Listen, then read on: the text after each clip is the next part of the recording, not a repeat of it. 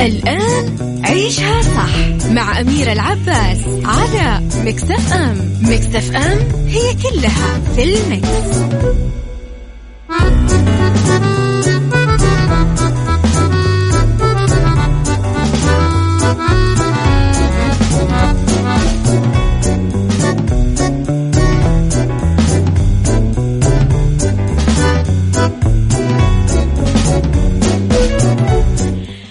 يسعد لي صباحكم يا أهلا وسهلا فيكم على إذاعة Mix FM في عيشها صح من الأحد للخميس من عشرة الصباح إلى واحدة الظهر كل يوم. ولمدة ثلاث ساعات على التوالي دائما أكون فيها معاكم من وراء ال mic وال control أنا أميرة العباس. ساعتنا الأولى أخبار غريبة وطريفة من حول العالم ساعتنا الثانية. نتكلم فيها على قضية رأي عام وساعتنا الثالثة فقراتنا اللي تحبونها ومتعودين عليها. لما نشتاق الأحد دايما نقول له كيفك أنت عيشها صح مع أميرة العباس على مكتف أم مكتف أم هي كلها في المكس.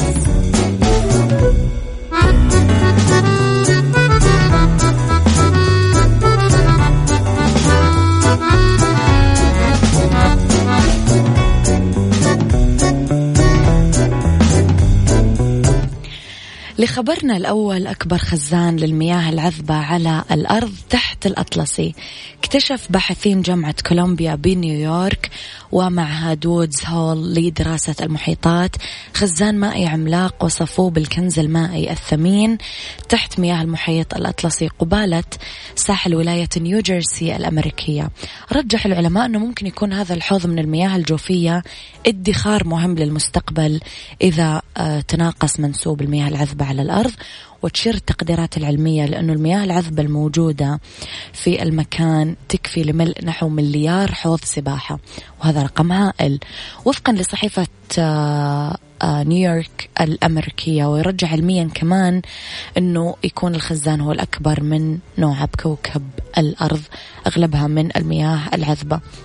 حسب الباحثين هالمياه تشكل في المستقبل حل للأزمة العالمية خصوصا أنه سكان العالم يتزايدون باستمرار وينتظر أنه يوصلون ل 9.7 مليار نسمة بحلول 2050 يذكر أنه الاكتشاف صار بالمصادفة خلال عملية استطلاع بساحل الشمال الشرقي من الولايات المتحدة. عيشها صح. مع أميرة العباس على مكتف أم مكتف أم هي كلها في المكس.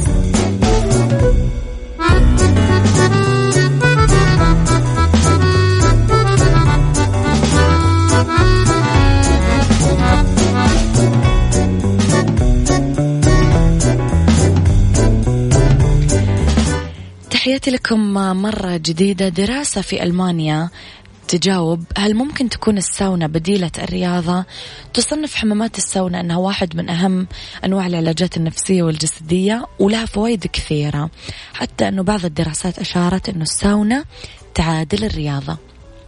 بدراسة ألمانية حديثة عملها علماء رياضة في جامعة ألمانية بالتعاون مع مركز برلين الطبي جاء أنه مستويات ضغط الدم ومعدلات ضربات القلب للناس اللي يستخدمون الساونا مطابقة تماما للرياضيين الهواة اللي يمارسون الرياضة لفترة قصيرة أو متوسطة. أشار علماء آخرين أنه جلسات الساونا ما تساهم بإنقاص الوزن لأنها ما تحتوي على نشاط عضلي. كذلك أكدوا أنه نقص الوزن اللي يحدث بعد جلسات الساونا عائد لكمية السوائل اللي فقدها الجسم بسبب العرق. لا أكثر والشيء اللي لازم نعوضه أكيد بشرب السوائل. كمان نوهوا أنه معدلات ضغط الدم وضربات القلب تتراجع إلى أقل من القيمة الأساسية للمشاركين قبل الجلسة. أكدوا أنه ممكن أي شخص قادر أنه يتحمل الجهاد الجسدي المعتدل بدون مشاكل استخدام الساونا.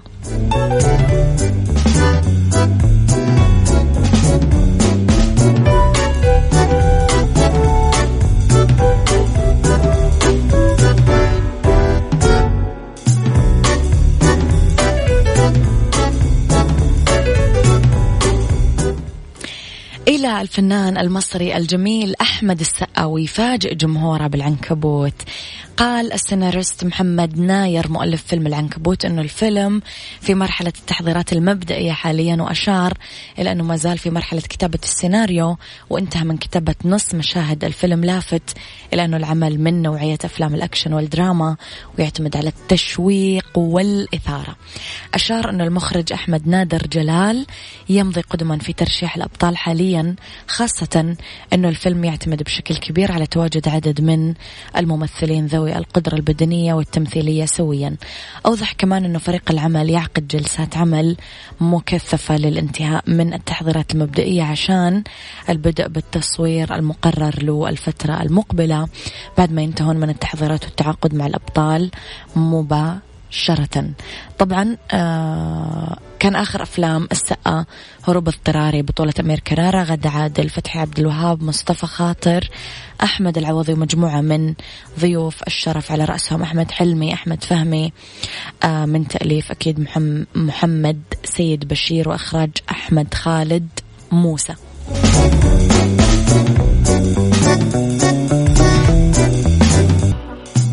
الآن عيشها صح مع أميرة العباس على مكتف أم مكتف أم هي all in the mix. يسعد لي صباحكم يا هلا وسهلا فيكم مجددا على آه، برنامج أكيد عيشها صح على إذاعة آه، Mix FM. okay في برنامج عيشها صح على إذاعة Mix FM. اختلاف الرأي في هالساعة لا يفسد للود قضية. لولا اختلاف الأذواق لباره السلع توضع مواضيعنا يوميا على الطاولة بعيوبها ومزاياها بسلبياتها وإيجابياتها سيئاتها وحسناتها. تكونون أنتم الحكم الأول والأخير آه، بالحلقة وبنهايه الحلقة نحاول أننا نصل لحل العقدة ولمربط الفرس. على رقم الواتساب صفر خمسة أربعة ثمانية, ثمانية واحد, واحد سبعة صفر صفر تقدرون دايما تكتبوا لي تعليقاتكم وآرائكم وتعقيباتكم على مواضيعنا على at Mix FM Radio تويتر سناب شات إنستغرام فيسبوك. تقدرون دايما تعلقون أكيد على كل التفاصيل عيشها صح مع أميرة العباس على Mix FM Mix FM it's all in the mix.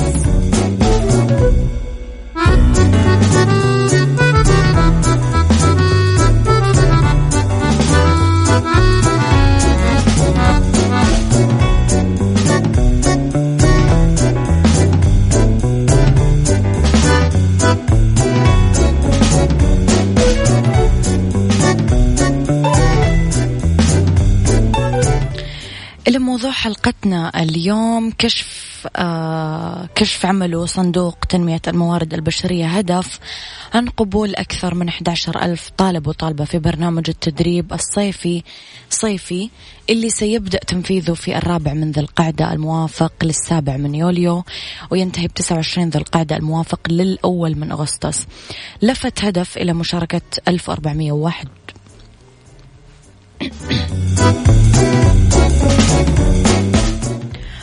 عذرا. لفت هدف إلى مشاركة 1431 منشأة في القطاع الخاص في برنامج التدريب الصيفي صيفي لأنه طرحت 23 ألف فرصة تدريبية أمام الطلاب والطالبات الذين تم قبولهم بالبرنامج. وجدد الصندوق دعوته للمنشآت والجهات التدريبية للتسجيل بالبرنامج. وعرض الفرص التدريبية بهدف إكساب المتدربين. القدرات الأساسية اللي تساعد في تأهيلهم لتلبية احتياجات سوق العمل. من وجهة نظركم إيش أهمية التدريب الصيفي للطلاب والطالبات؟ طب أنت كطالب وطالبة هل تحبون نخوض الحياة العملية في فترة الصيف؟ وليش؟ اكتبوا لي على صفر خمسة أربعة ثمانية, ثمانية واحد, واحد سبعة صفر صفر.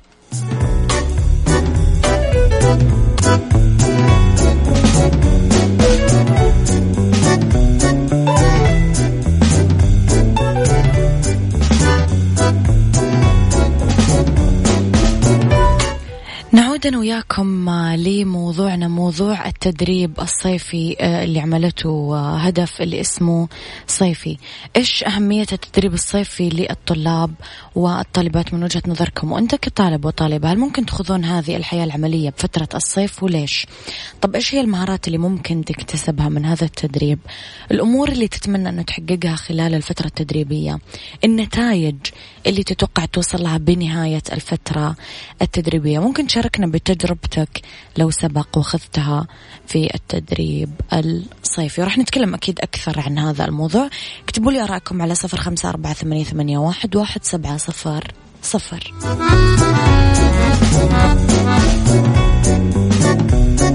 عيشها صح مع أميرة العباس على مكتف أم مكتف أم هي كلها في المكس.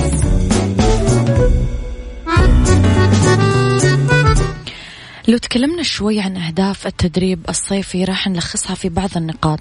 أول شيء راح نقول أن كثير يكسب الطلاب المتدربين كافة الاتجاهات السلوكية اللي لازم يتصف فيها المختصين في مجالاتهم عشان يتحقق لهم النجاح بالمهنة اللي يحبون يتعلمونها. كمان يمنح الطلاب المتدربين فرصة عشان يترجمون مختلف المفاهيم النظرية والمعارف اللي اكتسبوها خلال المرحلة الدراسية إلى جملة من الممارسات التطبيقية والعملية على أرض الواقع. كمان إكساب الطلاب المتدربين كل المهارات الفنية اللازمة للعمل الميداني. نروح لمساعدة الطلبة المتدربين على اكتساب قيم وأخلاقيات المهنة. هذا كله من خلال الانخراط في الممارسات الميدانية وتنمية الذات المهنية. نروح لخضوع الطلاب لعادات العمل المهني كي يستفيدوا منها في مجال عملهم بالمستقبل. منح الطلاب المتدربين القدرات المهارات المختلفة والضرورية لتنفيذ عملية التسجيل وفق الأصول الفنية. منح الطلاب كمان خبرات ميدانية أساسية مربوطة بعمليات الممارسات المهنية.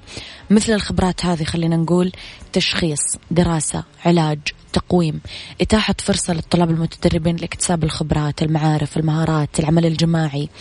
آه كمان آه المختصين في مجالات المهن الأخرى يبدأون يتعلمون كيف لازم يشتغلون مع بعض. رأيكم في الموضوع؟ اكتبوا لي على صفر خمسة أربعة ثمانية, ثمانية واحد, واحد سبعة صفر صفر.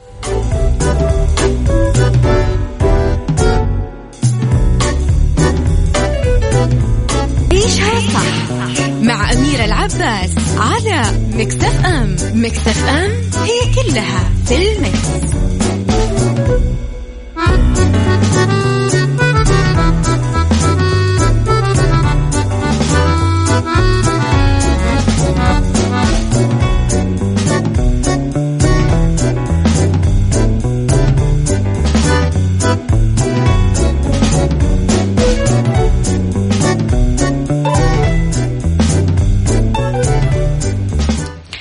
بداية تحياتي للصحفي والناقد الجميل تركي المطيري. يسعد صباحك يا صديقي ودام نبض قلمك الراقي.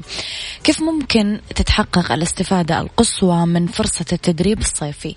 واحد نحرص على أننا نظهر ونتعامل بصورة احترافية عشان تنعكس صورة كويسة عننا.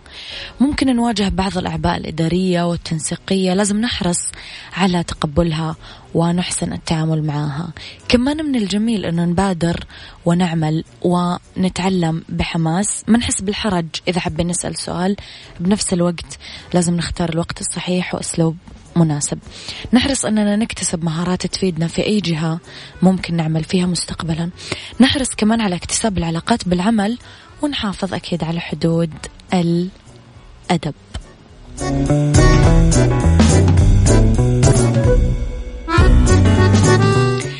يسعد لي مساكم يا أهلا وسهلا فيكم مجددا على إذاعة مكسف إم. ساعتنا الثالثة تبتدي معاكم ولتبقى كفاءة. اليوم نتكلم على كفاءة الطاقة. تحديدا كيف نستخدم الغسالة بشكل مرشد للكهرباء ونقلل من فاتورتنا؟ بعض الرسائل الفنية اللي تساهم بترشيد الكهرباء وتساهم في رفع آه، كفاءة أداء. وراح أستقبل هاتفيا ضيفي الأستاذ عبد الله العنزي. يسعد صباحك أستاذ عبد الله الله يسعد صباحك صباح المستمعين. نرحب فيك على إذاعة مكسفه أستاذ عبد الله يستهلك اليوم قطاع المباني نسبة كبيرة من الاستهلاك العام للطاقة بالمملكة. لو أن أمكن تحدثنا عن هذا الاستهلاك. نعم. آه، يستهلك قطاع المباني ما يقارب 30% من إجمالي استهلاك آه، المملكة للطاقة الأولية. مم. فيذهب من ال 30% هذه ما يقا آه، يعني ما يقارب 60% إلى أجهزة تكييف و30% إلى الأجهزة الأخرى الموجودة في في المنزل. نعم. فهذا آه، رقم كبير ويعني يجعل له آه، رقم مستهدف لترشيد الطاقة. نعم من هذا المنطلق اليوم نتكلم على فرق آه، بين غسالات التحميل الأمامي والتحميل العلوي إيش الفرق وهل في فرق أصلا أستاذ عبد الله ولا لا نعم تعتبر ال- الغسالات جزء آه، يعني جهاز مستهلك في المنزل. مم. آه، طبعا آه، الفرق بين التحميل الأمامي والعلوي إحنا كتقنيين أنا كمهندس تقني. أعرف إنه ال- ال- ال- التحميل الأمامي آه، هي أعلى كفاءة من التحميل العلوي ولكن إحنا يعني نصيحتنا للمواطنين والمقيمين ولا المستهلكين بشكل عام إذا توجهوا لشراء غسالة إنهم دائما يقرؤون بطاقة كفاءة الطاقة فهي راح توجههم يعني بشكل للاستهلاك مباشر إلى. الجهاز الأعلى كفاءه مم. طب آه، في هذه الحملة تكلمتم آه، أستاذ عبد الله على رسائل مهمة إنه مثلا نتجنب نغسل الملابس بأوقات الذروة إيش علاقة هذا الموضوع في استهلاكنا نعم آه يعني آه إحنا أوقات الذروة نفضل, إنه نجعلها الاجهزه ال- الأخرى تشتغل مثلا الظهر ما أغسل ملابس الظهر لأنه راح يأثر على الاستهلاك ال- ال- العام للمبنى. فدائما نتجنب أوقات الذروة ونشغل الغساله في الأوقات اللي ما يكون فيها المكيف يعني يكون الجو آه مناسب ومو كل مكيفات البيت آه شغالة. يعني. يعني يكون استخدامنا لباقي الأجهزة في المنزل أقل. أي نعم. نعم. آه، تطبيق تأكد أستاذ عبد الله كلمنا عنه. كيف نقدر كمان نتأكد من صحة بطاقة كفاءة الطاقة للمنتج؟ نعم تطبيق تأكد هو آم، يعني آه، آه، نشر في آه، قبل سنتين تقريبا. هو يعني تطبيق مفيد جدا للمستهلك بحيث إنه يقدر يقارن بين الأجهزة الموجودة في السوق طبعا. الأجهزة اللي تحمل بطاقه كفاءة الطاقة بسهولة جدا بمجرد المسح على رمز الاستجابة السريع اللي موجود QR code يكون موجود على ال- ال- الملصق. بمجرد المسح عليه تظهر بيانات المنتج الأصلية اللي تجي من آه، نظام التسجيل في الهيئة السعودية للمواصفات والمقاييس فهذه البيانات ما تكون مضبوطة ابدا فبمجرد ما أني أشوف بيانات المنتج أقدر أختار المنتج الأعلى كفاءة وإذا ما ما ظهر لي بيانات فإنه هذه البطاقة تكون يعني مزورة وهذا نادرا ما يحصل. فيوجد فيه بلاغ تجاري بحيث أن المستهلك يقدر يبلغ على إذا ظهر له بيانات غير الموجودة على البطاقة يقدر يبلغ بشكل سريع وسهل جدا. ختاما أستاذ عبد الله هل في نصائح عامة تمكن المستهلك أنه يقلل من استهلاكه للغسالات في المنزل؟ آه نعم إحنا دائما يعني نقول اختار السعة المناسبة للغسالة يعني آه كل ما حدينا من ال- السعه اللي أنا أحتاجها ما أحتاج آخذ شيء أكبر آه بدون فائدة يعني دائما أختار السعه المناسبة. دائما آه نتجنب أوقات الذروه بتشغيل الغساله. كذلك نغسل بالسعه الكامله بحيث إنه يعني ما أقسم الغسيل على فترات آه، على كميات قليلة بحيث إني أضطر أشغل الغسالة مرتين وثلاثة في اليوم. فنغسل بالسعه الكامله. مم. والتجفيف أستاذ عبد الله آه، نعم والتجفيف مهم طبعا في مجففات مع الغسالات في مجففات منفصلة مم. فدائما كذلك نستخدمها بالسعه ال- ال- ال- السعه الكاملة ما نجزء الغسيل وكذلك نستخدم يعني نستفيد من التجفيف الطبيعي مثل الشمس والهواء. لتجنب تشغيل الأجهزة الكهربائية. كل الشكر لك أستاذ عبد الله العنزي على هذه المعلومات. القيمة يعطيك ألف عافية. ولنا لقاءات قريبة بكل تأكيد. تحياتي لك. تحياتي.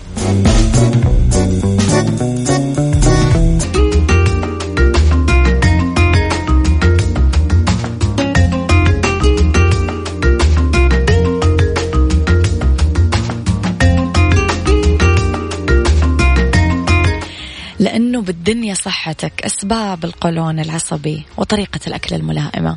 متلازمة القولون العصبي اضطراب بالجهاز الهضمي يسبب ألم بالبطن والتعب المزمن والصداع النصفي انخفاض ضغط الدم انخفاض مستوى السكر وفقا للبيانات المتوافرة نسبة 15% من السكان عندهم أعراض القولون العصبي. أسباب الإصابة بمتلازمة القولون العصبي للأسف غير معروفة إلى حد كبير لكن ببعض الحالات تكون الإصابة ناتجة عن التهاب بكتيري في الجهاز الهضمي. بعض حالات تكون الإصابة, مرتبطة بعدم توازن البيئة النباتية المعوية وفي إجماع حول نظرية تقول أنه وجبات الطعام بشكل عام والإجهاد من العوامل اللي تعمل ألام معوية عند الأشخاص. اللي عندهم هذا الاضطراب. بداية لازم نعدل النظام الغذائي لتنظيم عملية الهضم. نروح لنظام غذائي صحي نتجنب الأطعمة المقلية لفائف أقراص دجاج مقلي كالماري مقلي وغيرها من المقالي. لحوم حمراء دواجن أسماك دهنية كثير.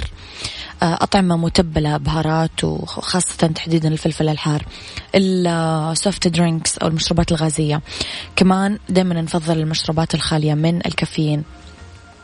قللوا الإجهاد مصادر الإجهاد في الحياة دائما تدهور صحتنا الجسدية العقلية.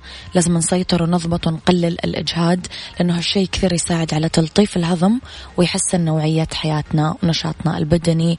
اليوغا المديتيشن أو التأمل العلاج بالتدليك أساليب التنفس كل هذه استراتيجيات رائعة لمحاربة الإجهاد. وثبت أنه الرياضة تقلل أيضا الإمساك. الأكل بأوقات متكررة وببطء وبساعات محددة. في حالة تتهيج القولون يفضل أنه ناكل بساعات منتظمة كل ثلاث أو أربع ساعات وبكميات أقل بكل مرة. بالإضافة لهذا كله ينمضغ الطعام كويس عشان يساعد على تحسين الهضم ونتمتع بمزايا مذاق الطعام وأخيرا عشان نمنع ابتلاء الهواء والانتفاخات الناتجة نتجنب مضغ العلكة ونشرب السوائل بواسطة السترو أو القشة أو المصاصة. ديكور مع أميرة العباس في عيشها صح على Mix FM Mix FM it's all in the mix. It's all in the mix. لو أنتم من الناس اللي عندكم مكاتب في بيتكم اسمعوا هذه الفقرة بكل حرص.